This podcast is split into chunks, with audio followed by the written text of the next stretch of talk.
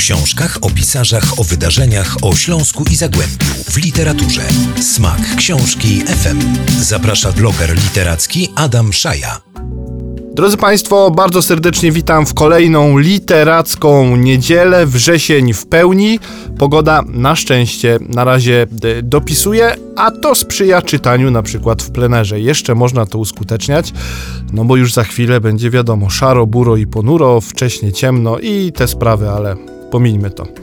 Dziś dwie rzeczy, yy, tradycyjnie, jedna yy, zbliżająca się bardzo i od niej zaczniemy. To znaczy jesień zawsze w branży literackiej mm, jest takim okresem mm, wytężonej liczby premier. Jest tych premier sporo, ale nie bierze się to znikąd, bo jest też bardzo wiele imprez targowych. I ta karuzela już tak naprawdę zaczyna się rozkręcać, już jest, no, powiedziałbym, rozkręcona, bo gdy Państwo słuchają tej audycji, to trwają jesienne targi książki w Warszawie, potem w kolejce są no, bardzo duże targi książki we Frankfurcie nad Menem, potem Kraków i potem nasze ulubione targi. Pierwszy weekend listopada Katowicach w Międzynarodowym Centrum Kongresowym e, się odbędą od piątku do niedzieli, tak jak powiedziałem, pierwszy e, weekend e, listopadowy.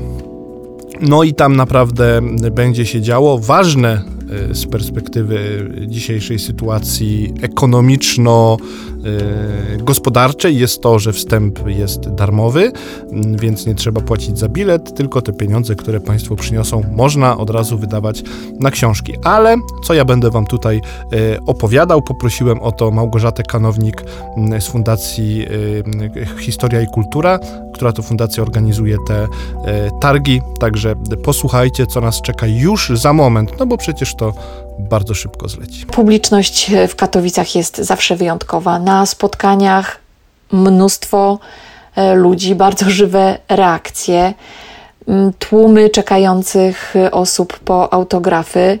No i to, co jest niesamowite, to znaczy ta publiczność jest bardzo pogodna, zawsze uśmiechnięta, spragniona kontaktu ze swoimi ulubionymi autorami, bardzo zdyscyplinowana no bo czasami na targach robi się tłoczno i jeżeli prosimy o e, zachowanie przejścia czy o przepuszczenie kogoś, to wszyscy z uśmiechami e, reagują na nasze prośby.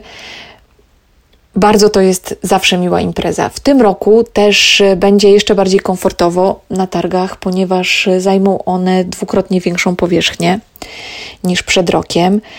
E, ekspozycja targowa będzie jeszcze szersza i jeszcze bardziej zróżnicowana. No właśnie, poprawi się komfort y, odwiedzających. E, mamy nadzieję, że wszyscy czekający nawet w długich kolejkach do swoich ulubionych autorek i autorów będą się czuli i bezpiecznie, e, i komfortowo. Smak książki FM. Smak książki FM.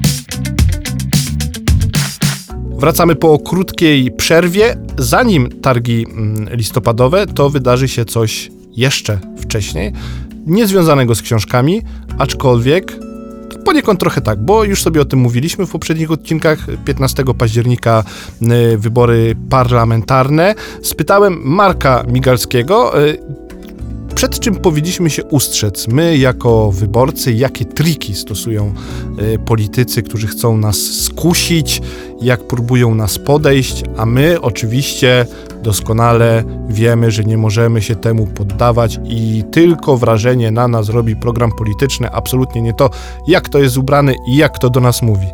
Mhm. Jestem ciekaw, ile z Państwa przeczytało program wyborczy. Ja na przykład nie.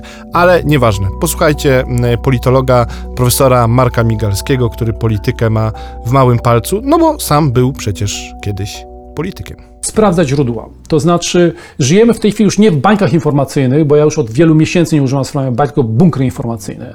Więc do nas docierają tylko te informacje, które algorytmy GAFA, Google, Amazon, Facebook i Apple y, generują, e, y, bo uważają, że, to, że tym jesteśmy zainteresowani. Więc jak jesteśmy zwolennikami PiSu, to do nas będą przypływać tylko informacje, które będą pokazywać y, opozycję jako zdrajców, ruskich agentów itd., tak itd. Tak Wobec tego łatwo nasz umysł łatwiej przyjmuje informacje, które są zgodne zgodne z tym, co on wcześniej uznał. To też jest bardzo ciekawe, że więcej energetycznie musi wydać na obróbkę czegoś, co się nie zgadza, niż na wchłonięcie czegoś, co się zgadza.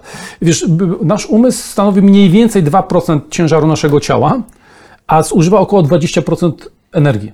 Więc jak nie musi pracować, to nie pracuje. Czyli jeśli jesteś wyborcą PiSu i do ciebie dociera informacja, że właśnie złamano, złapano Donalda Tuska, jak przekazywał, e, nie wiem, niemieckiemu ambasadorowi tajne plany roz, e, rozmieszczenia polskich wojsk na terytorium Podlasia, no to, to dla ciebie to jest po prostu oczywiste, bo od zawsze to wiedziałeś, że tak jest Tusk. Z kolei jak jesteś wyborcą e, Platformy i dostajesz informację o tym, że Jarosław Kaczyński tak naprawdę morduje koty, a nie kocha, no to dla ciebie to tylko dopełnia obrazu tego strasznego człowieka. I też to jakby podasz dalej, nie będziesz filtrował, dlatego że to wchodzi jak, jak, jak gdyby, w, wiesz, jak, jak klocek w Lego albo jak, jak puzzle, że, że to, to pasuje po prostu do układanki, mózg wtedy odpoczywa. Mówi, o, to jest to, mózg mówi, super, zawsze o tym wiedziałem. Więc to, to, czyli jak gdyby uważać na to, co do nas dopływa i to weryfikować. Nie puszczajmy y, y, fejków. Smak książki FM.